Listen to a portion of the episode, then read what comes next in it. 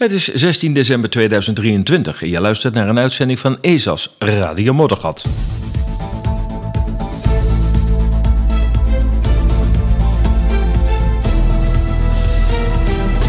In deze uitzending Europese grenzen gaan voor bepaalde tijd weer dicht.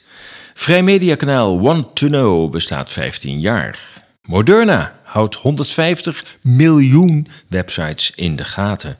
Oekraïense dampkippen verdringen de Nederlandse uitloopkippen. En sirenes van hulpdiensten blijven nu voortdurend aan. Maar eerst, zij zagen het niet aankomen.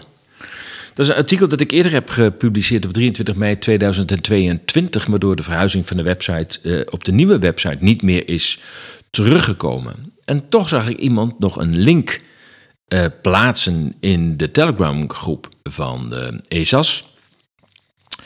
Uh, alleen natuurlijk die link werkte niet meer. dus dacht ik, hey, dat is toch wel een belangwekkend artikel. Ik denk dat ik het toch nog maar eens een keer online moet zetten. Ik heb een heel archief van artikelen die ik ooit geplaatst heb. Die is ook niet helemaal compleet, niet uit de beginjaren van 2017, 18, 19. Toen waren de aantal artikelen ook niet zo heel uh, omvangrijk als nu en ook niet zo uh, veeltallig als nu. Maar desalniettemin uh, heb ik helaas die artikelen toch niet meer. Is ook wel jammer. Maar goed, um, de persoon die dat postte, die dode link, die vond het toch wel een belangwekkend artikel en vroeg mij of ik hem weer online wilde zetten. En dat is dus ook vanochtend gebeurd. Als je hem wilt zoeken, uh, toets dan op de website in Ze zagen het niet aankomen. Of zij zagen het niet aankomen. Um, want hij is gedateerd op 22 mei 2022, dus er staat niet meer, al lang niet meer dus op de voorpagina. Ja, ze konden het zich niet voorstellen, maar sluipenderwijs in een tijdspanne van amper zeven jaar verdween de vrijheid en groeide de tirannie. Ik heb het dus voor alle duidelijkheid over de periode in Duitsland 1933-1940. Een volk dat voortdurend in verwarring werd gebracht met schijngevaren, het Jodendom of de communisten, zag de overheid veranderen in een machtscentrum die van waarheid leugens maakte en van leugens waarheid.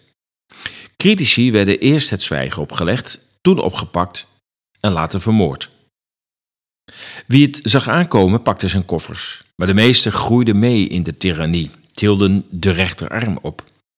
Een staat van zijn die zo onvoorstelbaar was dat het niet werd geloofd.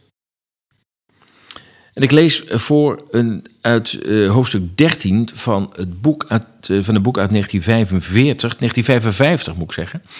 En ja, ik zou haar zeggen, elke vergelijking die u nu ziet met de huidige tijd is verboden.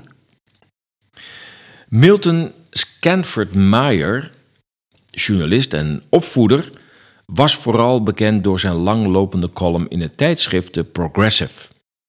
Meyer, opgevoed als hervormde Jood, werd geboren in Chicago als zoon van Morse Samuel Meyer. In 1945, 1955 publiceerde hij het boek They Thought They Were Free, The Germans. Het boek is een studie over het leven van een groep gewone Duitsers onder het Derde Rijk. Misschien dat u na het lezen of na het horen van deze uh, uh, citaten denkt dat het over deze tijd gaat. Een tijd van toenemende repressieve wetten, censuur en onnavolgbare vrijheidsbeperkende maatregelen. De vergelijking is dan aan u. U als lezer weet dat elke vergelijking met de situatie in het Duitsland van 1933 tot 1940 inmiddels verboden is. En mocht u toch parallellen zien, dan berust dat op puur toeval of op uw eigen fantasie. Nou, ik eh, lees even een stukje voor. Het is bewerkt eh, van hoofdstuk 13 eh, van het voornoemd boek. Langzaam groeide de kloof tussen regering en het volk, de, de geregeerden. Het ging langzaam, heel langzaam. Er kwamen steeds nieuwe wetten en wetjes bij. De meesten hadden er geen last van. Misschien anderen die ze niet kenden, maar zelf nee. Er gebeurde veel tegelijk en elke keer leek een nieuw probleem, een nieuwe crisis of vijand op te duiken. Er was geen tijd om over de grote lijnen na te denken. De onnavolgbare acties van de overheid hielden mensen dag in, dag uit bezig. Er bleef geen tijd om te filosoferen. Het was overeind blijven in een roerige tijd. Wat hier gebeurde was geleidelijke gewenning van het volk. Beetje bij beetje aan het geregeerd worden bij verrassing. Aan het ontvangen van beslissingen die in het geheim waren beraadslaagd. Aan het geloof dat de situatie zo ingewikkeld was dat de regering moest handelen op basis van informatie die het volk niet kon begrijpen. Of zo gevaarlijk is dat zelfs als het volk het wel kon begrijpen, het niet kon worden vrijgegeven omwille van de nationale veiligheid. Het was een tijd van verwarring en verdeling tussen mensen, familie en collega's. Er was een grote aanhang. Zij zagen naast de gevaren ook voordelen. Anderen maakten zich zorgen, waarschuwden hun omgeving. Hun boodschap kwam niet aan, want deze onheilbrengers waren dat geen paniekzaaiers? De regering had toch het beste met het land voor? En het volk? Deze scheiding van regering en volk, deze verbreding van de kloof, vond zo geleidelijk plaats en zo onmerkbaar, elke stap vermomd, misschien niet eens opzettelijk, als een tijdelijke noodmaatregel of geassocieerd met echte patriotische, patriotistische trouw of met echte sociale doeleinden. En alle crisis en hervormingen, ook de echte hervormingen, hielden het volk zo bezig dat het niet zag hoe langzaam het hele regeringsproces steeds verder weg kwam te staan. De regering nam steeds meer macht en invloed, en gelukkig voor de bestwil van het volk en het vaderland. De vrijheden namen af, maar het was voor een goed doel. En we deden het tenslotte samen als één volk. De afstand tussen regering en geregeerde groeide. Maar dat was nodig. Dat was crisis. Het dreigde gevaar. Ik, en dit is dan de schrijver van uh, dit boek, ik was een geleerde, een specialist. Toen, plotseling, werd ik ondergedompeld in alle nieuwe activiteit, zoals de universiteit in de nieuwe situatie werd getrokken. Vergaderingen, conferenties, interviews, ceremonies en vooral papieren die moesten worden ingevuld, verslagen, bibliografieën, lijsten, vragenlijsten. Het was natuurlijk allemaal een romslomp, maar het kostte al je energie en kwam bovenop het werk dat je toch echt wilde doen. Je ziet hoe gemakkelijk het toen was om niet na te denken over fundamentele dingen. Men had gewoon geen tijd. In de universitaire gemeenschap en in mijn gemeenschap de schrijver nogmaals, spreek ik onder vier ogen met mijn collega's, van wie sommigen zeker hetzelfde voelen als ik. Maar wat zeggen zij? Ze zeggen: Zo erg is het niet. Je ziet dingen. Je bent een paniekzaaier. Tegenwoordig noemen we dat complotdenken en wappie. We hebben nieuwe woorden, maar hetzelfde principe. Ik ga verder. Geen tijd om na te denken. De bakker had zijn handen vol aan alle ontwikkelingen en onzekerheden. Maar ook gescholden wetenschappers lieten alles over zich heen komen. Het opleidingsniveau deed er niet toe. Iedereen was onderdeel van hetzelfde bedwelmende proces. Geen tijd om te weten, maar ook geen wens om het te weten. De dictatuur en het hele proces van haar ontstaan was vooral afleidend. Het verschafte een excuus om niet na te denken voor mensen die toch al niet wilden nadenken. Ik heb het niet over de kleine mannen, de bakker enzovoort. Ik heb het over mijn collega's en mijzelf, geleerde mannen, let wel. De meeste van ons wilden niet nadenken over fundamentele zaken en hebben dat ook nooit gedaan. Dat was ook niet nodig. Het nazisme gaf ons enkele vreselijke fundamentele dingen om over na te denken. Wij waren fatsoenlijke mensen en hield ons zo bezig met voortdurende veranderingen en crisis en zo gefascineerd, ja gefascineerd, door de machinaties van de nationale vijanden, binnen en buiten, dat we geen tijd hadden om na te denken over deze vreselijke dingen die beetje bij beetje overal om ons heen groeiden. Onbewust, denk ik, waren we dankbaar. Wie willen nadenken? Natuurlijk voelden velen wel aan dat er iets niet klopte. Wij spraken er niet over. Bang voor conflict of erger, dat als je als verrader van het volk werd gezien. Een fantast, een zwartkijker of een paniekzaaier. Je beet je tong af en hoopte dat je gedachten inderdaad fantasieën waren. Elke stap was zo klein, zo onbeduidend, zo goed uitgelegd. Maar die ene grote schokkende gelegenheid, wanneer tientallen of honderden of duizenden zich bij u zullen aansluiten, die komt nooit. Dat is de moeilijkheid.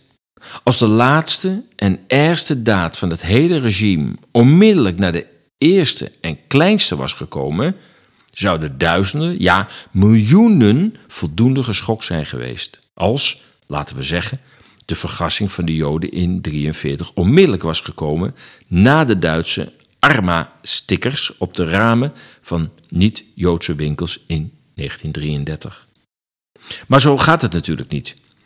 Daartussen komen al die honderden kleine stapjes, waarvan sommige onmerkbaar zijn en die je er stuk voor stuk op voorbereiden dat je niet geschokt zult zijn door de volgende stap. Stap C is niet zoveel erger dan stap B. En als je bij stap B stand hebt gehouden, waarom zou je dat niet doen bij stap C? En zo verder naar stap D. Misschien herken je wat er momenteel plaatsvindt met al die wetten die worden aangenomen, waarvan nog steeds mensen zeggen: Ik heb er geen last van. Ik kan nog steeds mijn poesenplaatjes op Facebook zetten, dus ik snap niet waar je het over hebt als het gaat om censuurwetten. Elke daad en elke gelegenheid is erger dan de vorige, maar slechts een beetje erger. Je wacht op de volgende en de volgende. Je wacht op een grote, schokkende gebeurtenis. Denken dat anderen, wanneer zo'n schok komt, zich samen met jou op de een of andere manier zullen verzetten. U wilt niet alleen handelen, of zelfs maar praten. U wilt niet op uw manier problemen maken. Waarom niet? Wel, je bent het niet gewoon. En het is niet alleen angst, angst om alleen te staan, die je weerhoudt, het is ook echte onzekerheid. Plotseling komt het allemaal naar beneden, in één keer. Je ziet wat je bent, wat je hebt gedaan, of beter gezegd, wat je niet hebt gedaan, want dat was het enige wat de meeste van ons land, uh, van ons wet verlangt, namelijk dat we niets deden. Dat is ook nu uh, het geval. Uw kleine mannen, uw nazi-vrienden, waren niet principieel tegen het nationaal socialisme. Mannen zoals ik, die dat wel waren, zijn de grotere overtreders. Niet omdat we het beter wisten, dat zou te veel gezegd zijn, maar omdat we het beter aanvoelden. Mensen hielden te lang vast aan de vorm van de wereld waarin men leefde. De vormen die er allemaal nog waren, onaangetast, geruststellend. De huizen, de winkels, de banen, de maaltijden, de bezoeken, de concerten, de bioscoop, de vakanties. Vanaf hier uh, is het echt de bewerkte uh, uh, tekst. Dus het is niet letterlijk meer citaat uit, uit het boek. Maar de geest die men nooit had opgemerkt, omdat men de levenslange fout maakte haar met de vormen te vereenzelvigen, was veranderd. Het systeem zelf kon dit in het begin niet zo bedoeld hebben, maar om zichzelf in stand te houden, was het gedwongen om tot het uiterste te gaan. Je hebt dingen aanvaard die je vijf jaar geleden, een jaar geleden niet zou hebben aanvaard. Dingen die je vader, zelfs in Duitsland en Nederland, zich niet had kunnen voorstellen. Velen keken het aan. Het leek hen niet te betreffen. Aanvankelijk. Alleen bepaalde groepen waren het mikpunt, zoals de Joden. Maar ja, wij waren geen Jood, dachten velen. Pastoor Niemuller sprak namens duizenden en duizenden mannen zoals ik toen hij, te bescheiden over zichzelf, zei dat toen de nazi's de communisten aanvielen, hij zich een beetje ongemakkelijk voelde, maar hij was tenslotte geen communist. En dus deed hij niets. En toen vielen ze de socialisten aan. En hij voelde zich een beetje ongemakkelijker. Maar ja, hij was nog steeds geen socialist, dus hij deed niets. En toen vielen ze de scholen, de pers, de joden enzovoort aan. En toen voelde hij zich altijd een beetje ongemakkelijker. Maar hij deed nog steeds niets. En toen vielen ze de kerk aan. En hij was een kerkman. En hij deed niets. Maar toen was het te laat. Ja, dit is een bewerkte ehm, lezing uit hoofdstuk 13 van het boek They Thought They Were Free, The Germans 1933-1945, van Milton Meyer. Het is een boek uit 1955. Ik geloof dat in 1966 nog een herdruk is geweest. Het is 368 pagina's. Uh, en als je het zou willen uh, bestellen, als het nog te koop is, dat weet ik eerlijk gezegd niet. Uh, eerlijk gezegd niet. Het ISBN-nummer is 0-226-51192-8.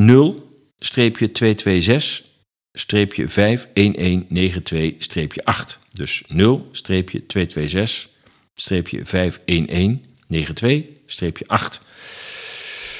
Ja, het is, het is een ongelofelijke waarschuwing voor de tijd die wij nu meemaken. ook nu hoor je nou ja, de mensen die uh, zorgen hebben over deze tijd, altijd nog een beetje denken van, nou ja, ja die censuurwet, ja, ach. Ik betrap me er zelf ook op, hè, dat ik denk, ja, nou ja, goed, ja, zo provocerend schrijf ik toch niet, weet je. Ja, ja, ja, ja, dat, uh, dat die en die wordt aangepakt, ja, ja, die gingen ook wel heel ver. En betrap ik mezelf erop dat ik in dezelfde redenering gevangen zit. Zo van, ja, nou, ja, ik, ik ben toch nog wel redelijk, toch? Hè? En dat was ook precies um, wat de Duitsers hebben ervaren in die jaren 30, uh, 1933, 1940, tot de, de aanloop tot de Tweede Wereldoorlog. En dat hoor je ook steeds vaker, dat mensen zeggen, ja, nu met deze COVID-tijd, met dit, dit, dit onvoorstelbare bedrog, snap ik pas hoe wat in Duitsland is gebeurd, kon gebeuren. En dat de nazi's, de fanatieke aanhangers, dat waren niet de arbeiders die door de nazi's werden verheven hè, en, en, en werden geïdealiseerd. Nee, dat waren academici, dat waren kunstenaars eh, van hoog niveau, dat waren intellectuelen, filosofen, psychiaters, dat waren mensen met goede studies die uiteindelijk de top van de naties uh, werden. Daarvan je dus verwacht, net zoals we dat in de afgelopen jaren hebben verwacht. Ja, ja, mensen die een beetje nadenken en de studie hebben gedaan, die weten toch wel beter. En het blijkt dat het toch wel link, eigenlijk een beetje omgekeerd evenredig is. Hoe langer je gestudeerd hebt, hoe langer je in het systeem bent gepokt en gemazeld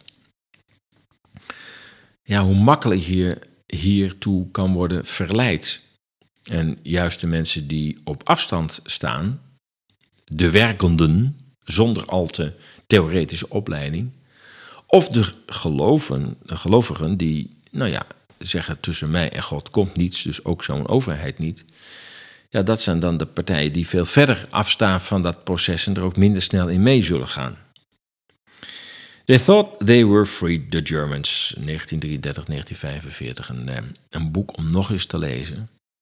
Onder deze tijden absoluut een waarschuwing voor ons moeten zijn. Ja, ik dacht, ik moet hier toch uitgebreid bij stilstaan, want dat is, uh, we moeten de tekenen van de tijd herkennen. en nu ook weer dat, dat, dat, dat uh, we gaan het zo over Europa hebben. Um, maar dat de Europese Unie uiteindelijk ook de, de, de, het vetorecht van de landen eh, wil opheffen. Nou ja, dat betekent dat we gewoon als land al onze soevereiniteit kwijt zijn. Zeker omdat we in combinatie met uh, de Nederlandse wetgeving, waarbij we hebben gesteld dat de Europese wetgeving automatisch boven de Nederlandse gaat. Dat is waarschijnlijk onder Rutte gebeurd. Ja, daar zijn uh, termen voor, voor wat deze man uh, in Nederland heeft aangericht. Ik ga ze hier niet herhalen, maar ze zijn regelmatig uh, te vinden, wat je van deze man moet vinden.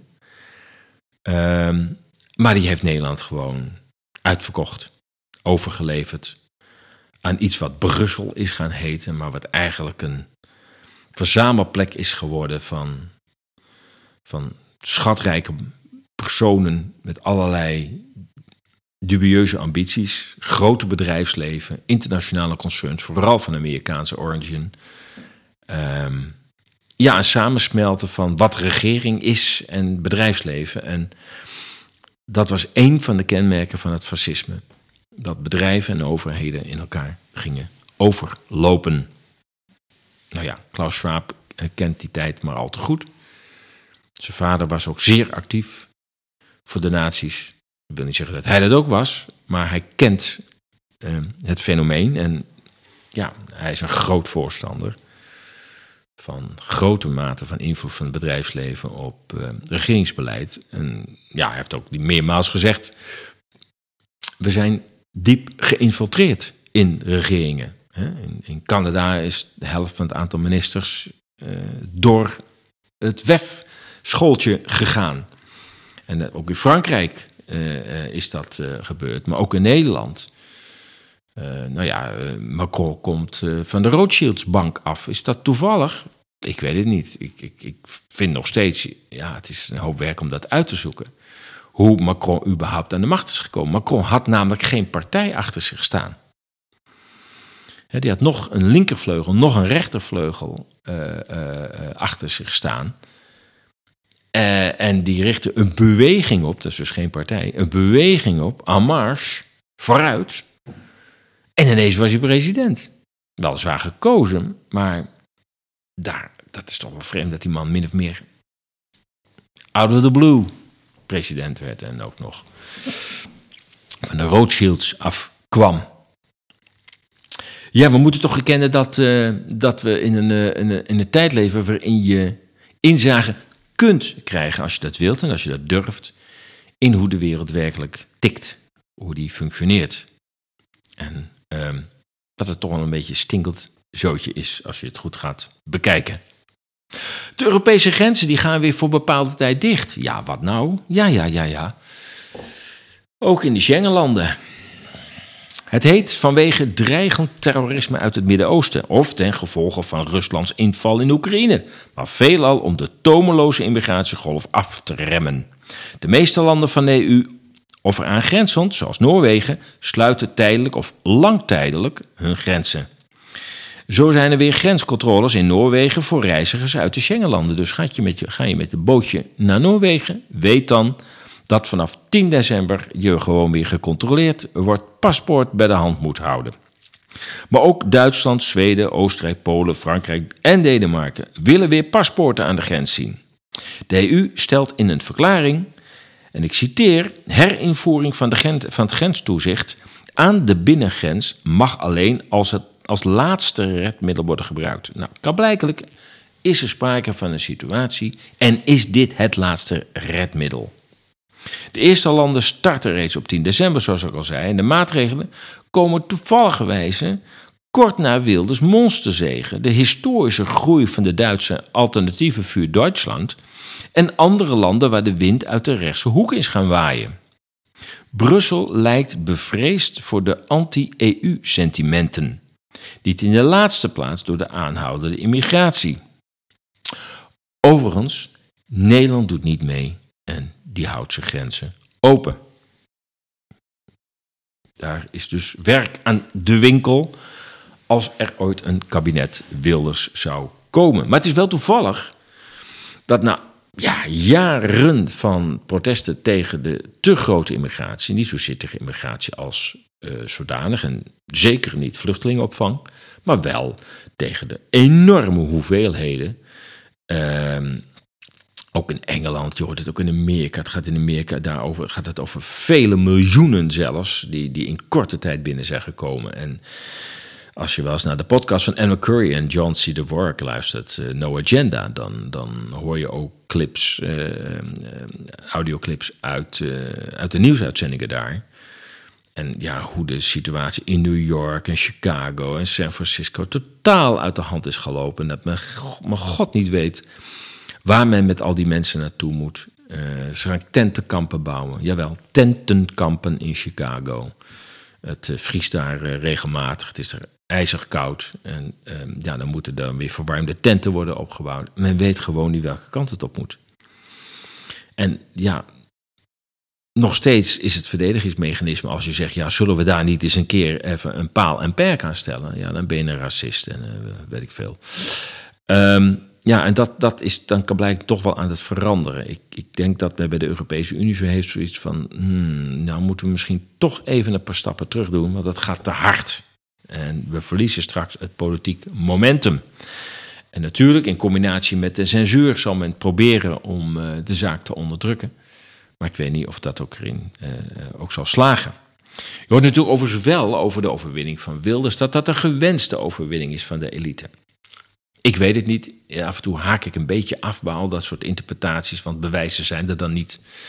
Uh, het, het, zijn, het is een soort, soort anti-narratief, zeg ik wel eens. Hè. De, de, media, de grote media hebben hun narratief en de alternatieve media, de vrije media, nou ja, die hebben uh, hun anti-narratief. En dat wordt ook uh, met ijzeren vuist wordt dat verdedigd. dus wat er ook gebeurt, de elite zit erachter. Dus ook al heeft Wilders met een sterke anti-immigratieagenda ehm, de verkiezingen gewonnen, dan nog zit de elite erachter. Die hebben dat voor elkaar gebokst.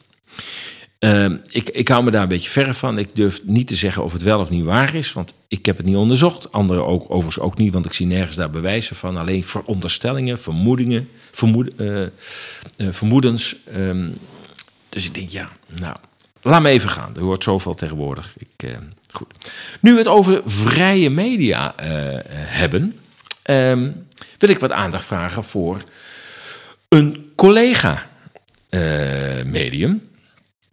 En eentje die al 15 jaar bestaat. Jawel, dat kun je wel zeggen dat het een van de pioniers was. Ik begon in 2017, Ezer begon in 2017, dus is ook alweer uh, zes jaar, maar dat is nog lang geen 15 jaar. Want sinds het jaar 2020, voor velen de coronatijd, zijn er veel alternatieve media bijgekomen in Nederland. Een grote golf aan bewustzijnsgroei kwam op gang, met vooral aandacht voor collectieve maatschappelijke ontwikkelingen bij zaken als vaccinaties, klimaat, politiek en spiritualiteit. Onmogelijk, uh, ogenschijnlijk is het wellicht voor velen een nieuwe beweging, maar toch waren er al alternatieve media in Nederland die in een eerdere golf voor de muziek uitliepen. Eén daarvan is de website Want to Know. Het willen weten, wanttoknow.nl. En uh, ja, in een interview met Niels Lunsing, collega, uh, podcastmaker, uh, vertelt de oprichter en redacteur Guido Jonkers van Want to Know hoe zijn passie van het andere nieuws tot stand kwam. Het is vandaag feest in de nieuwe tijd studio. Want uh, Want to Know is op bezoek. En ze bestaan 15 jaar. Het is vandaag 8 december. Een belangrijke dag. Een mijlpaal in de, ja, in de geschiedenis van deze site. En Guido Jonkers is op bezoek. En ja, we zijn blij dat ze, dat ze er zijn. En ja, zijn vrouw is er ook. Maar Guido, fijn dat je er bent. Ja, graag gedaan. Dankjewel voor de uitnodiging. En heel fijn om eens uh, met elkaar erover te praten. Want het is het best wel waard. Er gebeurt natuurlijk een hoop. Er zijn tegenwoordig een hoop uh, conculega's, die ik niet echt als concurrenten zie, maar fijn dat ze er zijn. Ja. Dus uh, uit de tijd dat we begonnen in 2008, uh, toen was er Niburu en nog een paar andere. De Lange Mars was er al, dacht ik. En ja, nog een paar andere, maar klein. En het internet was eigenlijk nog maar net een beetje van de grond, hè, jaren 5, 6. Dus ja. ja, dat was een beetje de tijd van, van toen, Niels. Ja, ja precies. Ik lijk wel een oude vent. Nou ja. ben ik ook ondertussen geworden hoor. Maar, uh, nou, ik ja. heb de, de studio een beetje feestelijk aangekleed. Nou, dat is hartstikke mensen kunnen zien uh, wat slingers. Ja, nou ja, goed. Het is ook wel het uh, overdenken waard. Even ja. het punt om even stil te staan. Dat ben ik helemaal met je eens. 2008 is het allemaal begonnen. 8 december, dus vandaag klopt het precies. 15 ja. jaar. Ja. Um, veel mensen hebben jou toen ook gevolgd. Hè? Veel, veel schrijvers zijn erbij gekomen op jouw platform. Ja. Um, het heeft ook veel teweeggebracht bij mensen. Nou, dat was heel bijzonder, want we hebben geprobeerd om de, de Amerikaanse site wanttoknow.info, die trouwens nog steeds de moeite waard is om te bezoeken, hebben we geprobeerd om na te, na te, te, te kopiëren, in het Nederlands te vertalen, laat ik het zo zeggen. Tessa Koop en ik de, stonden aan de wieg van Want to Know. En uh, ja, toen we dat, daarmee bezig waren, hadden een paar werkstudenten gevraagd om stukken te vertalen. Want het waren hele lange rapporten die Fred Burks, de oprichter van de Amerikaanse site, ook uh, had uh, verzorgd om die te vertalen. En dat, nou, dat lukte allemaal. Die staan trouwens nog steeds allemaal erop over 9-11 enzovoort. Maar wat gebeurde er in februari 2009? kwam de vaccinatiecampagne ineens op gang. En met name Desiree Reuver, die was daar uh, heel erg uh, uh, in oppositie. Van jongens, wat zijn we nou aan het doen? Het klopt niet. Zij kwam met een boek uit. en ja, Tessa die vroeg daar heel veel aandacht voor. Ik ben ook gaan lezen. En op een gegeven moment zeg nou, dan gaan we gewoon daar stukjes over maken. Ja. Dus zo langzamerhand zijn we Nederlandse stukjes gaan maken. En we kwamen erachter dat er zoveel materiaal ook aanwezig was eh, om, om zelf een eigen site te maken. Dus uiteindelijk heeft wanteno.nl.be heeft een hele eigen Nederlandse karakteristiek gekregen. Ja, mooi hè, om dat te horen van een, eh, een collega-website, uh, Want to Know. Maar ja, een veel oudere website, een veel ja, langer lopende website. 15 jaar dit jaar. Ik slurp af en toe nog steeds even aan mijn koffie. Erg leuk om Guido uh, te horen bij, bij Niels. Beide uh, ja, collega's in de sector van de vrije media. En dan zegt ook, ja, eigenlijk brengen we geen alternatief nieuws. We brengen nieuws dat gewoon niet opgemerkt wordt. Het is er wel, het is ook relevant, maar het wordt gewoon niet opgemerkt. Of, laten we ook eerlijk zijn in deze tijd, nieuws dat niet gewenst is dat het bekend wordt. Maar het is nog steeds een nieuwsfeit, het is nog steeds de moeite van het vermelden waard. Als je meer wilt horen, ehm, dan kun je even naar de rubriek Onopgemerkt op esas.nl gaan. Uh, en daar vind je de link naar het artikel op de website wanttoknow.nl. Kun je ook eens met die website um, kennis maken. En in dat artikel staat ook weer de link naar de podcast, naar het interview dat Niels Lunsing had met uh, Guido Jonkers. En ik zie beide regelmatig bij de Vereniging van Vrije Journalisten. We komen regelmatig bij elkaar en uh, ja, bespreken dan uh, de zaken die zo, uh, zo spelen. En dat is veel. Mm -hmm. We zitten alweer op een half uur, joh. Zijn we er bijna? Nee, we zijn er nog niet bijna. Maar goed ook. Zo, afgelopen week even, even trouwens uh, uh, de Duitse kerstmarkt uh, geproefd. Nou, niet allemaal hoor, want dat is... ik geloof dat er alleen al in Berlijn 25 tot 30 kerstmarkten zijn. Sommigen zeggen dat er meer zijn. En daar ben ik ook wel eens langs geweest. Er is veel kerstmarkten in Berlijn. Zeer de moeite waard. zeer onderscheiden in karakter. De ene kerstmarkt is absoluut de andere niet. Uh, van een kermisachtige uh, kerstmarkt op het Alexanderplatz naar uh, hele artistieke, kleinschalige kerstmarkten in bepaalde buurten, onder andere bij de Hakkesje Markt. Veel te zien. Maar goed, afgelopen week was ik in, de, in Monschau en in Aken. Nou, Aken heeft echt een zeer serieuze kerstmarkt. Uh, en ook een aantal zeer uh, prachtige gebouwen, zoals het stadhuis, het raadhuis. Zou ik zeker eens een kijkje nemen. Ligt toch, kerstmarkt ligt tegen het raadhuis aan. Je hebt natuurlijk nog de, de, de, de Agener Doom. Ja, dat, ik, ik, ik, had hem wel eens gezien, maar toen waren ze nog helemaal aan het opknappen. En nu is het dus helemaal klaar. Ja, je weet niet wat je ziet. Het is wel de mooiste kathedraal die ik althans uh, gezien heb, laat zo zeggen. Ik uh, wil niet zeggen dat ik ze allemaal gezien heb, maar zo mooi rijkelijk gedecoreerd. Het is echt onvoorstelbaar, heel imponerend. Nou, Monsje had niet zo'n hele grote kerstmarkt. Het is natuurlijk ook een heel klein plaatsje. Maar gewoon de stad, het stadje op zich is al natuurlijk een fenomeen op zich. En uh, als je daar wat kerstverlichting op hangt en een klein kerstmarktje erbij en die prachtige omgeving, ja, dan, uh, dan kom je toch vanzelf wel in die, uh, in die kerststemming terecht. Ja, we gaan naar Moderna. Wat was je bekend dat Moderna 150 miljoen websites bijhoudt? Ja, het is, het is onvoorstelbaar. Ze gaven 45.000 artsen tips hoe zij negatieve reacties op de COVID-vaccins moesten pareren. Maar Moderna deed nog meer. Met de AI-tool, kunstmatige intelligentie, Blue Silk, werden in 200 landen 150 miljoen websites in de gaten gehouden. Met de AI-tool werd elke vorm van kritiek gescand, gezien, gemonitord en werd daarmee ook als anti-fax beschouwd en bestreden met aanvullende campagnes en instructies aan die aangesloten artsen, die 45.000 artsen. Dus elke keer als er weer ergens een argument opdook om, om die vaccins niet te nemen, dan kwam Moderna weer met nieuwe aanvullende informatie waarin dan weer dat gedebunked werd. Persberichten werden uitgedaan, zodat kranten weer gingen schrijven dat er allerlei wappie-verhalen waren over die vaccins. En dat je dat gewoon niet moest geloven. Ja, dat kwam allemaal niet uit de lucht vallen. Nou ja, de meeste mensen die, denk ik, naar Radiomodel gaat luisteren, weten dat natuurlijk al lang.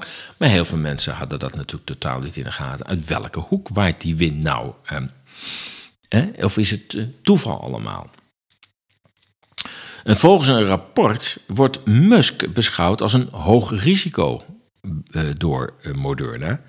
In het bijzonder een video van Elon Musk, waarin media en overheidsfunctionarissen belachelijk werden gemaakt, die beweerden dat het COVID-vaccin 100% effectief was. Dat heeft de alarmbellen doen afgaan. Van die Musk die moeten we in de gaten houden. Nou ja, die man moet je überhaupt wel in de gaten houden. Want een man die, die topbedrijven in totaal verschillende sectoren aanstuurt. Ik weet niet wat jij ervan vindt, maar ik heb daar heel erg mijn bedenking bij. Dat je raketten bouwt, satellieten over de wereld uh, plaatst, uh, elektrische auto's maakt, Twitter koopt. Ik weet het niet hoor, wat ik ervan moet denken. Maar goed, in ieder geval heeft hij zich kritisch uitgelaten over die COVID-vaccins. En dat, ging, dat deed natuurlijk alle alarmbellen afgaan bij Moderna en Pfizer. Um, ik weet niet hoeveel volgers uh, Musk heeft, maar dat zijn er ontzettend veel in ieder geval. Ik weet niet of ik dat even kan opzoeken. Uh, even kijken of ik dat uh, X uh, kan. ik tik nog steeds Twitter in. Ik weet niet of je dat ook doet. Stop er overigens deze maand mee, want het, het, het bereik is, is minimaal geworden sinds Elon Musk. Ik ga nog eens even kijken hoor. Musk. Even intypen. Elon Musk. 100, 166 miljoen volgers. Ja, dat is nogal wat. Nee, maar ook, ik weet niet hoe hij zijn zoontje ook weer heeft genoemd, maar dat, dat waren gewoon cijfercodes of lettercodes ik uh, kan het niet eens reproduceren. Uh, en dan denk ik ook, ja, met wie hebben we daar eigenlijk van doen? Nou ja, hoe dan ook. Dat was Musk.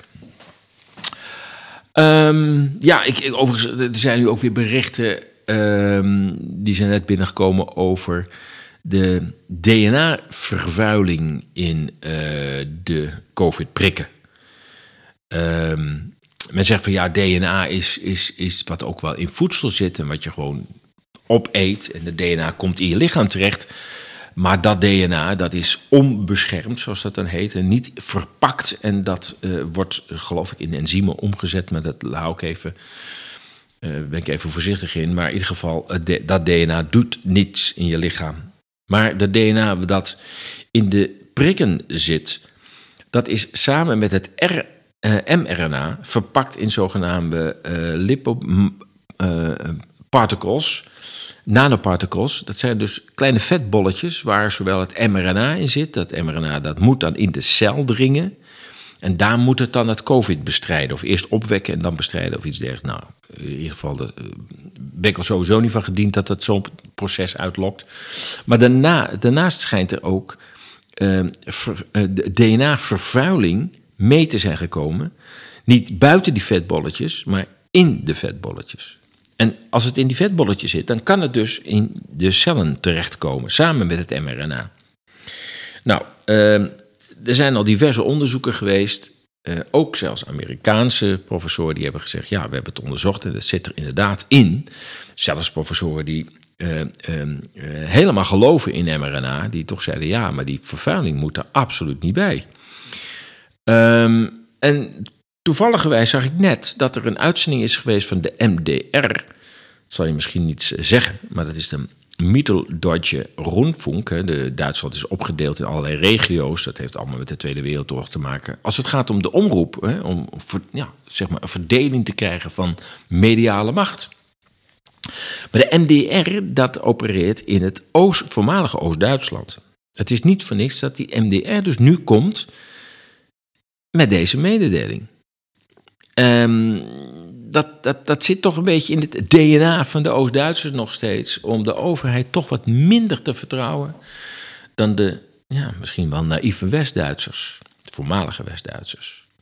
En die MDR kwam dus met een reportage waarin zij dat gewoon melden. Er zit vervuiling in en die had er niet in mogen zitten. En mogelijkwijs uh, is die vervuiling opgetreden tijdens het productieproces. Uh, door gewoon snelheid, zo ja, heel veel fabrieken. Het is niet één fabriek geweest die, die miljoenen en miljoenen en miljoenen vaccins hebben gemaakt. Nee, dat waren tientallen fabrieken. Ik weet niet eens hoe, hoe groot dat aantal is geweest.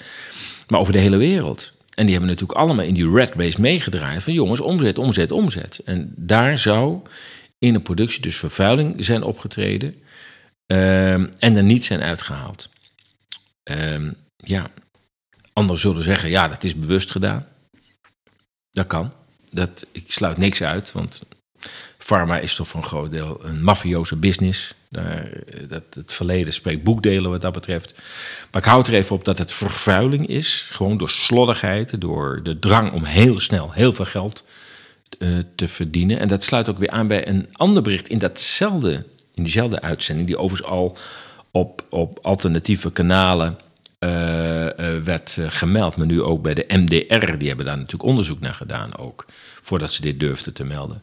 Die, die meldt dat nu ook dat de productiemethode uh, waarmee de vaccins zijn gemaakt, de inentingen zijn gemaakt, die aan, het, aan, de, aan de toezichthoudende autoriteiten is voorgelegd, zoals de EMA in Amsterdam, de European Medicines Agency, uh, dat die productiewijze, die is getoetst, goedgekeurd, maar die is niet toegepast bij de feitelijke productie. Toen is men van productie uh, gaan veranderen, omdat die productiemethode goedkoper was en er dus nog meer verdiend kon worden. Men heeft al 100 miljard binnengehaard met deze prikken, maar het kon allemaal nog meer als men de kosten zou drukken. En dat deed men met een eenvoudiger productieproces dat sneller kon, maar daar is waarschijnlijk die vervuiling opgetreden.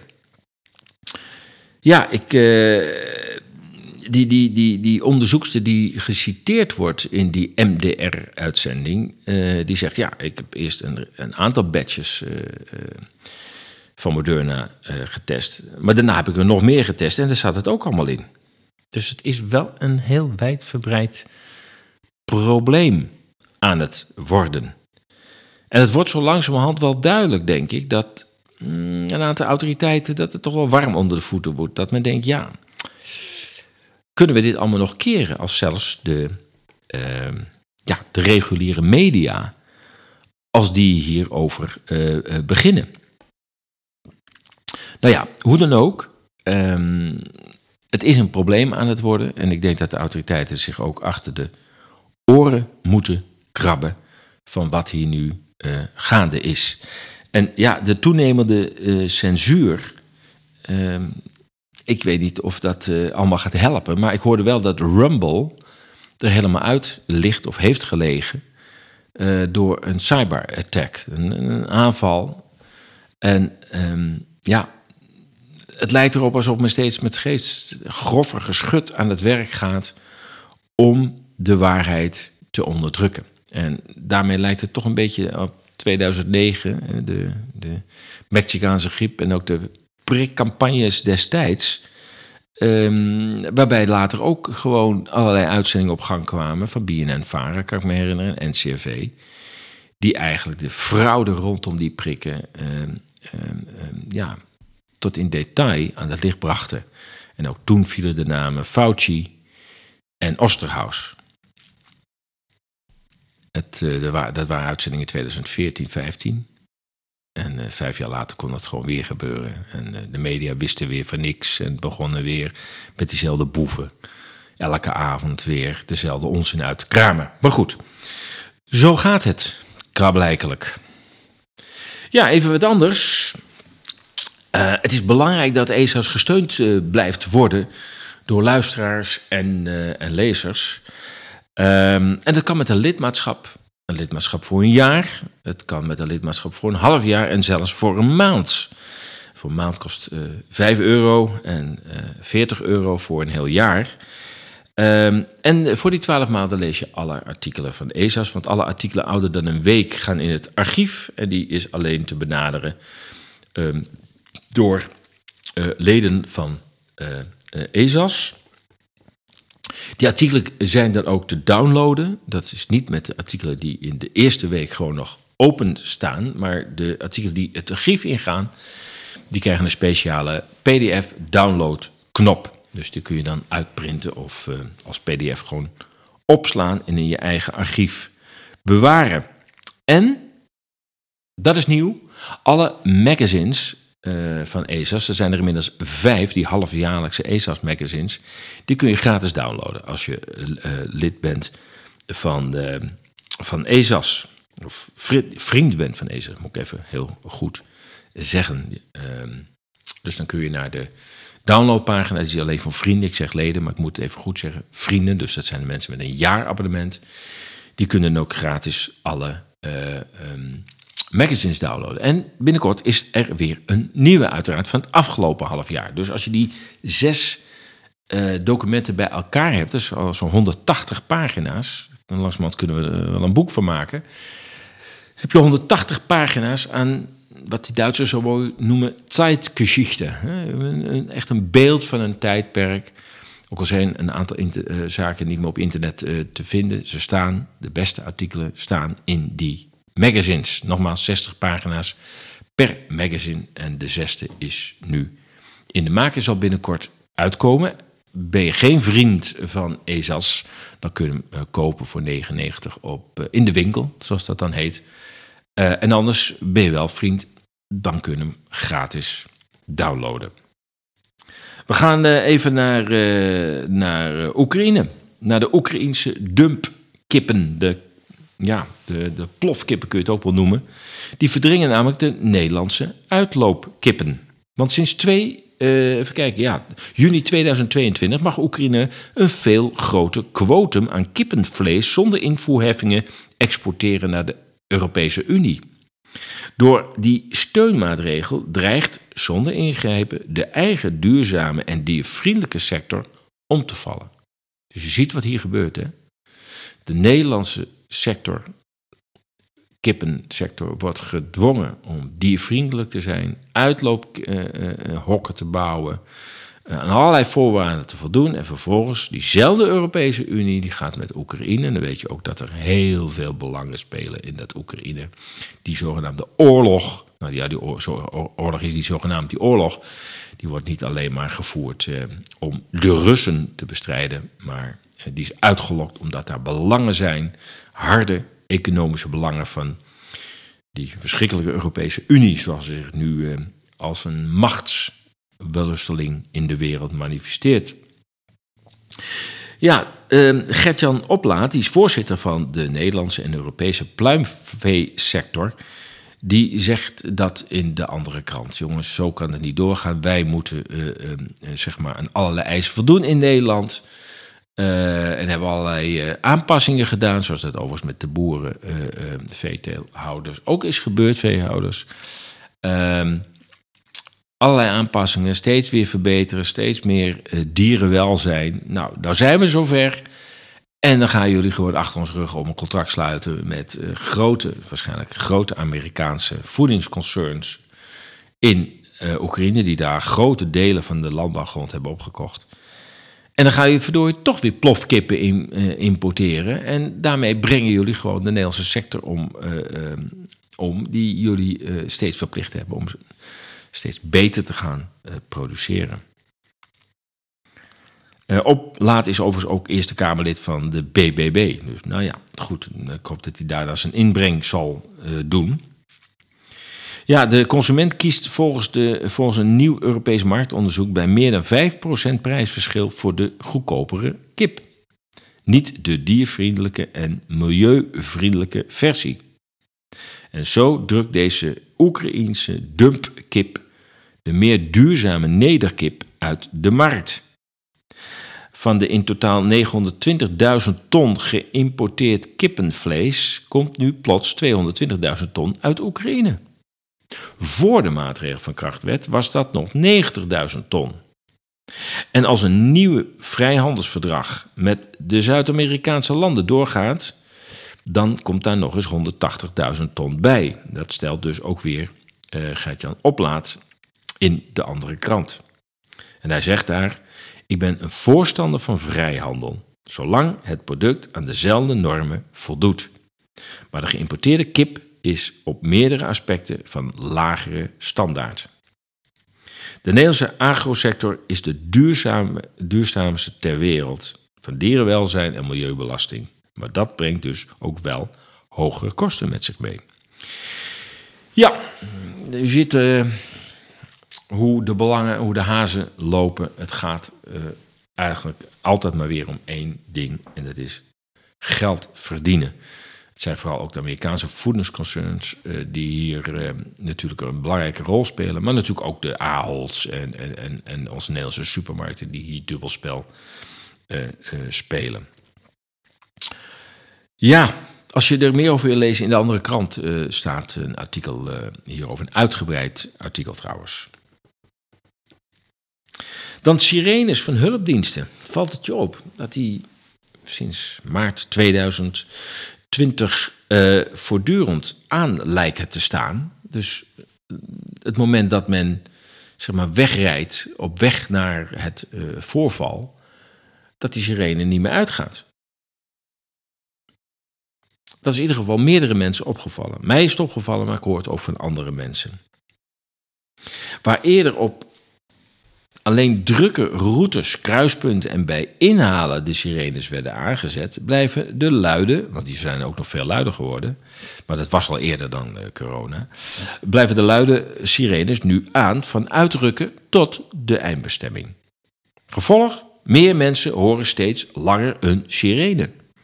Voor sommigen verhoogt dat het crisisgevoel. Gevoel dat er iets bijzonders aan de hand is. Is er sprake van psychologische oorlogsvoering? In meerdere landen, waaronder Nederland en Duitsland, is op grond van vrijgegeven interne overheidsdocumenten gebleken dat de overheidscommunicatie gericht was op het opvoeren van de crisisstemming. Paniek moest mensen tot gehoorzaamheid aanzetten. Ook in Italië, waar de beelden van Bergamo de wereld in staat van paniek brachten, werd ingezet op het zoveel mogelijk vergroten van de angst in plaats van geruststellen. De Italiaanse virologe van de Universiteit van Milaan, Maria Rita Kismondo, beschuldigde de media en de regering van paniekzaaien. Door de noodtoestand uit te roepen naar slechts vier gediagnosticeerde patiënten en door nadrukkelijk een groot aantal lege voertuigen te tonen die lijken zouden vervoeren. Briand uh, stelt dat er simpelweg meer mensen gecremeerd werden in plaats van begraven uit angst voor besmetting. Um, ik zeg nog wel even Briand. Mm, ik ben even kwijt wie dat nou uh, um, is, dus dat zou ik even moeten opzoeken. Het staat in ieder geval in het desbetreffende uh, artikel van de andere kant. Ik, ik citeer nou maar een stukje eruit. Maar in ieder geval dat er dus simpelweg meer mensen werden gecremeerd in plaats van begraven uit angst voor besmetting. En hij zegt, crematoria werden daardoor overvraagd en daarom werden de lege voertuigen ingezet. We hebben een pandemie gecreëerd, concludeert weer uh, Maria Rita Gismondo, de Italiaanse viroloog van de Universiteit van Milaan. En dat zegt ze in een interview uh, van 6 juli 2020, zei ze dat al. In een interview met de Duitse journalist Billy Six. En ze zei verder daarin: ziekenhuizen hanteerden dodelijke COVID-behandelprotocollen. De resultaten van PCR-testen werden overdreven en de telling van coronadoden deugde gewoon niet. Nou ja, dat zullen wij als critici wel hebben geweten, ook al in die tijd, dat uh, heel veel mensen stierven uh, met, uh, corona, met, met het coronavirus. Uh, zeker in Noord-Italië had natuurlijk een aantal specifieke factoren, net zo goed overigens als Wuhan, nog los van of het uit de, het lab is ontsnapt of niet. Maar Wuhan is een uitermate vervuilde stad, vervuild in de term van luchtvervuiling. is veel zware industrie, Dus de luchtwegen zijn daar extreem belast. En hetzelfde geldt voor Noord-Italië, het sterk geïndustrialiseerde Noord-Italië, waar Bergamo middenin ligt. Dat is ook dus een, een gebied met een hoge mate van luchtvervuiling. Maar niet alleen dat. Ehm, de gemiddelde leeftijd in, de, in, in, in Italië is erg hoog. En er zijn heel veel 90-plussers. en vooral in het noorden van Italië. En ja, als daar zo'n hele grote cohort aan 90-plussers is. en er komt eens een keer een zware griep. of dat nou corona heet of wat dan ook. Corona is gewoon een aantasting van uh, infectie van luchtwegen ja, dan kun je je voorstellen dat dat ineens heel hard kan gaan. En als er dan ook nog eens foute protocollen worden gebruikt, en dat is ook al meermalen uit de Verenigde Staten bevestigd, dat hele aan die, aan die ventilators leggen, dat heeft mensen gewoon kapot gemaakt. 80% van de mensen die die behandeling kregen, die overleefden het niet.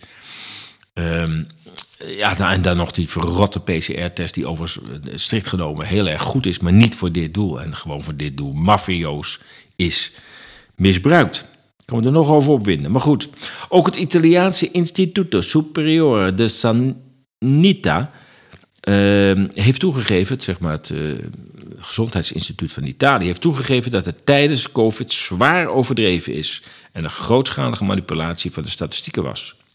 Op 17 maart 2020 stelde de Italiaanse Hoge Gezondheidsraad vast dat 99% van de overledenen met COVID-19 onderliggend lijden had. 17 maart 2022. Toen was al bekend van het RIVM van Italië dat 99% van de overledenen met COVID-19 onderliggend lijden had. Veel later, op 21 oktober 2021, kwam datzelfde instituut met fors aangepaste overlijdensoorzaken. Overigens, Jaap van Dissel heeft hetzelfde gezegd uh, op de website van het RIVM in het begin. Hij zei, de symptomen van COVID en griep zijn dezelfde. Nogmaals, het is later allemaal weggemoffeld. Maar het heeft allemaal op die website gestaan van het RIVM. Hij heeft ook aangegeven dat het merendeel meervoudige comorbiditeiten had. Comorbiditeiten had. Dus ja, soms 1, 2, 3, sommige vier uh, aandoeningen hadden die op zich ook al dodelijk uh, waren. En waarbij dit, deze infectie, dit, dit virus, uiteindelijk de laatste, het laatste setje was. Dat wat in de winter dus altijd gebeurt. Maar dus het RIVM is in het begin ook best wel eerlijk geweest. Het is niet voor niks dat het RIVM het COVID-dashboard, het corona-dashboard, al heel snel verloor. Omdat ehm, al in mei 2020, ik herhaal het nogmaals, ik heb het meermaals al gezegd, was de pandemie al voorbij. Mei 2020. Al dus Jaap van Dissel in de Tweede Kamer 2021 heeft hij een grafiek laten zien en hij zei dat de pandemie in 2020 in de maand mei al voorbij was. Toen moesten alle idiote maatregelen moesten nog komen. En die zaten in de planning en die moesten hoe dan ook komen. Ook al was de pandemie al lang voorbij. En ook al waren er uit Italië al lang berichten van jongens, maak je eigenlijk niet druk, want de meeste mensen die hier doodgaan, dat zijn mensen die lagen al uh, op dat laatste stukje. We hebben hier een hoge leeftijd, een zeer hoge leeftijd. Um, um, en daarnaast is het ook nog een sterk vervuild gebied als het gaat om luchtverontreiniging. Dus de longen en de luchtwegen zijn al erg belast in dit gebied.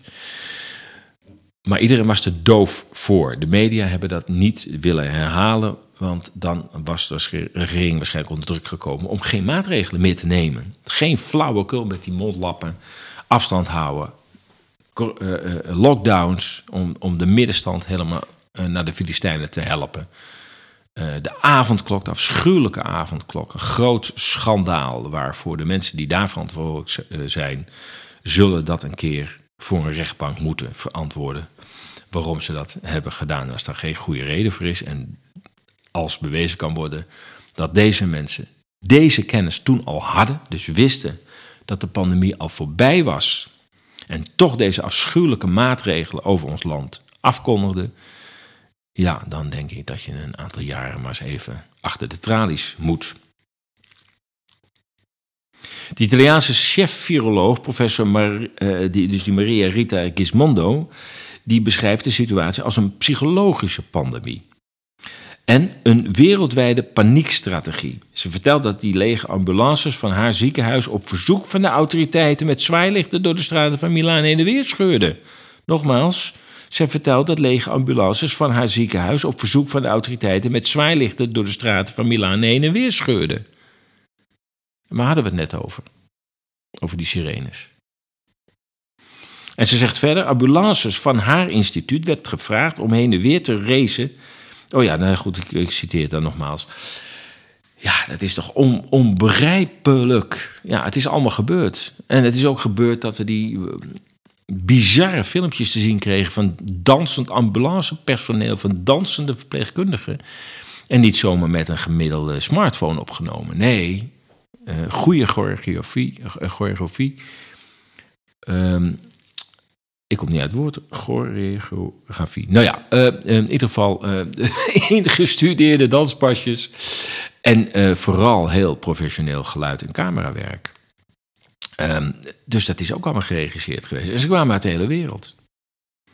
Dan denk ik, ja, ik kan dan me toch echt niet meer aan de indruk onttrekken dat we gewoon massaal in de maling zijn genomen. En die zo'n klein beetje ook. En ik voorspel je, dat, is, dat gaat allemaal uitkomen het komt eigenlijk al uit, als je goed oplet, is er al genoeg te zien. En mainstream media, ik heb het al een paar keer eh, de Berliner Zeitung hier naar voren gehaald. Maar ook nu ook de MDR, de Mitterdeutsche Rundfunk. Um, maar het gaat steeds harder. En um, ik, ik, ik weet niet hoe het gaat ontploffen. Uh, en dat men zal proberen met allerlei afleidingsmanoeuvres uh, om, om de gedachten bij de massa weg te houden van dit schandaal. Maar ik, ik weet niet of ze dat zal lukken, ook niet met de censuurwet. Ik denk dat het al te veel heen is, dat er al te veel informatie online is. En uh, het is bijna niet te stoppen. Het is bijna niet te stoppen. Je kunt in ieder geval zeggen dat sinds maart 2020 overheden in veel westerse landen een andere rol hebben aangenomen. In plaats van het verspreiden van feitelijke informatie en het voorkomen van paniek, werd zij juist te verspreiden van leugenachtige berichtgeving over veiligheid en effectiviteit van de inentingen. Niet geruststelling, maar paniekzaaien werd haar doel. En met de media aan haar zijde heeft zij miljoenen mensen onnodig in angst gebracht om bizarre als gezondheidsinterventies verkochte maatregelen geaccepteerd te krijgen. Ik zeg in Duitsland weliswaar heel minimaal, maar toch af en toe weer mensen met een mondkapje. Buiten op de kerstmarkt. Je zult maar besmet raken van een oliebol. Nou ja, die heb ik trouwens daar in Duitsland niet gezien. De overheid heeft in ogen van velen dan ook haar neutrale rol verloren. Ze is onderhevig aan grotere machten dan zijzelf en die hebben baat bij elke crisis. Want bij een crisis hoort een uitweg, een oplossing. En wie de oplossing aanbiedt, is meestal ook de veroorzaker van de crisis. De aanhoudende sirenes, waar we het over hadden, die dragen bij aan de instandhouding van dat crisisgevoel. Jongen, jongen, jongen, jongen, jongen. Wat een tijden, wat een tijden. Maar ik durf niet te zeggen dat er licht aan het einde van de tunnel is. Dat betekent dat we het allemaal achter de rug zouden hebben. Dat weet ik niet. Maar er komen steeds meer mensen met een zaklantaarn in de tunnel. En die beginnen toch wel te belichten wat er allemaal mis is gegaan. En welke fraude, welk ongelooflijk bedrog uh, schuilgaat achter deze hele uh, COVID-toestand. Uh, en achter nog zoveel meer zaken natuurlijk. Hè. Ik bedoel, als je hoort wat er rondom Biden in de Verenigde Staten allemaal weer bekend wordt. Hoe corrupt ook, ook die hele kliek is. Maar dat geldt eigenlijk voor de meeste presidenten die daar aan de macht komen. Die komen immers ook niet zomaar aan de macht. Dat, goed, dat is een heel ander onderwerp. Ja, graag wijs ik je nog even op het interview uh, in de Radio Motor gehad met Elze van Hamelen over de grote verbouwing van Nederland. Het is een uitzending geweest van 28 oktober jongsleden. Het gaat over de achtergronden van de aanpak van de boeren en vissers en de grote toename van inwoners van ons land en daarmee de groeiende behoefte aan bouwgrond. Uh, wacht, ik laat je nog even een fragment uh, horen als je het nog niet hebt gehoord. Een kort fragment en de rest van de anderhalf uur moet je hem even zelf luisteren. Dat is dus de podcast van 28 oktober jongstleden. De industriële landbouw te gaan, hoe die is ontstaan. Even Ja. terug. Ik denk ja. dat een hele hoop mensen niet weten eh, hoe we hier zijn gekomen. Bij ja, de huidige ah, situatie. Bij de grote landerijen. eh nou ja, en dat soort dingen. Precies. Ehm nou ja, mijn achtergrondvraag was dus van hoe komt het dat die, dat die mens zo als schadelijk voor de natuur eh, wordt gezien? En wat ik denk, boer en visser is gewoon oudste beroep. Dat zijn de oudste beroepen die er zijn. Van mensen zijn helemaal niet schadelijk voor de natuur. Het is vooral van die doorgedraaide industriële systemen. Ehm, die zijn schadelijk. Dus toen dacht ik, waar komt dat nou vandaan? En toen ben ik dus naar de ruilverkaveling gaan kijken. En dan moet je eigenlijk nog een paar stappen terug. Dan zie je dus dat ehm, de Rockefeller Foundation heeft in, in de decennia voor de oorlog geëxperimenteerd met het meer efficiënt maken van landbouw op verschillende manieren. Dat hebben ze dan in de Verenigde Staten gedaan, neem ik aan. Nee, eh, hebben ze onder andere in China, in Brazilië, in andere landen. Ja, de Rockefeller Foundation. Dus ze keken eigenlijk naar een ander soort landbouwmodel. En eh, tussen de Eerste Wereldoorlog en de Tweede Wereldoorlog verliest de, eh, de, eh, het Britse imperium stort eigenlijk in, verliest macht. Amerika wil dat stokje gaan overnemen, maar doet dat niet meer via regelrechte koloniale militaire bezetting, maar voert eigenlijk een vorm van, van economisch imperialisme in.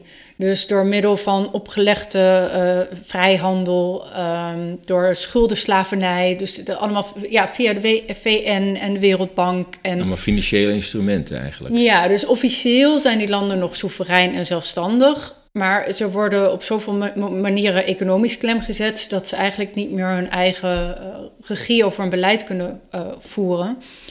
En een van de hoofddoelen van dus het Amerikaans buitenlands beleid in die naoorlogse jaren was om controle te krijgen over de wereldvoedselproductie.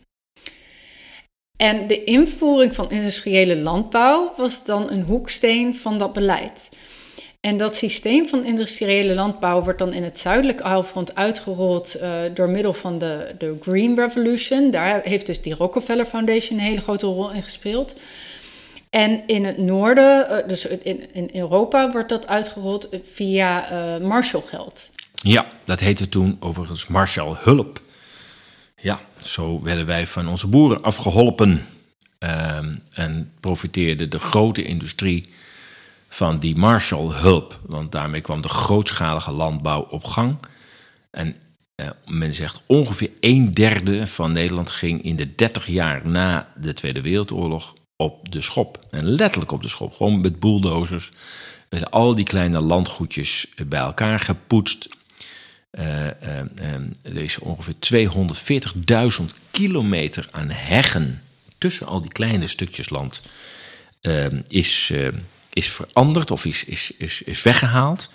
Ja, en als je nou praat over biodiversiteit, dan kun je wel voorstellen dat als je 240.000 kilometer aan heg weghaalt, dat, eh, ja, dat die biodiversiteit ook enorm afneemt. Ja, inmiddels heeft de PVV eh, van Zuid-Holland vragen gesteld over deze materie. Ehm, hele goede vragen overigens. En die kun je vinden op koers2030.nl. Koers2030.nl, de grote verbouwing van, van Nederland. Ehm, de website is overigens een, eh, een initiatief van Sorari Report. Eh, de andere kant en eh ESA's Radio Moddergat. Dus koers2030.nl, daar kun je de vragen downloaden die de PVV heeft gesteld in de provincie Zuid-Holland over deze materie. Ehm, ja, het zou beter zijn als de PVV deze vragen ook in de Tweede Kamer eh, gaat stellen. Maar goed, die zijn nu met andere dingen bezig natuurlijk. Ik hoop in ieder geval dat, dat het feit dat die vragen eh, in de provincie al zijn gesteld en de PVV nu groot is geworden, dat in ieder geval die vragen serieus zullen worden eh, beantwoord. Ja, daarnaast nog even een aankondiging. Binnenkort heb ik een interview met Dennis Spaanstra van Police for Freedom. En eh, ook de initiatiefnemer van de burgercontrole op de afgelopen verkiezingen. En met hem zal ik spreken over de totstandkoming van de nationale politie. En natuurlijk terugblikken op de verkiezingen van de, de afgelopen keer. Ik denk dat het een eh, interessant gesprek kan worden. En je zult daar binnenkort eh, meer over horen. Ehm, ja, nog een nieuwtje. Ehm, binnenkort, de datum moet er worden vastgesteld, maar zal er een bijeenkomst plaatsvinden, een lezing, presentatie over Berlijn. En ehm, die gaat over de geschiedenis van Berlijn, maar wel in het licht van de actuele ontwikkelingen. Dus in relatie tot ja, de situatie tussen Berlijn en Moskou en tussen Berlijn en Washington. Ehm, en dat zal ook meteen een visuele rondleiding zijn door Berlijn, want ik zal ook beeldmateriaal meenemen.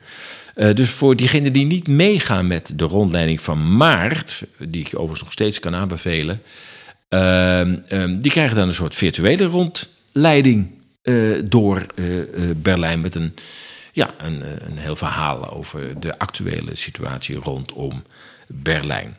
binnenkort zal ik je daar meer mededelingen over doen, waar en wanneer dat precies zal plaatsvinden. Tijd om af te ronden, denk ik. Je luisterde naar een uitzending van ESA's Radio Moddergat. Als je deze podcast waardevol vond, ondersteun ESA's dan met een donatie, een lidmaatschap of aankoop van een van onze magazines of dossiers. Maak ons bereik groter en deel deze podcast van Radio Moddergat op de social kanalen. Je kunt ESA's volgen via onze nieuwsbrief, RSS, Telegram en Substack. Kijk voor meer informatie op esas.nl. Ik wens je voor nu een goed weekend. Blijf waakzaam, blijf sterk en tot volgende week.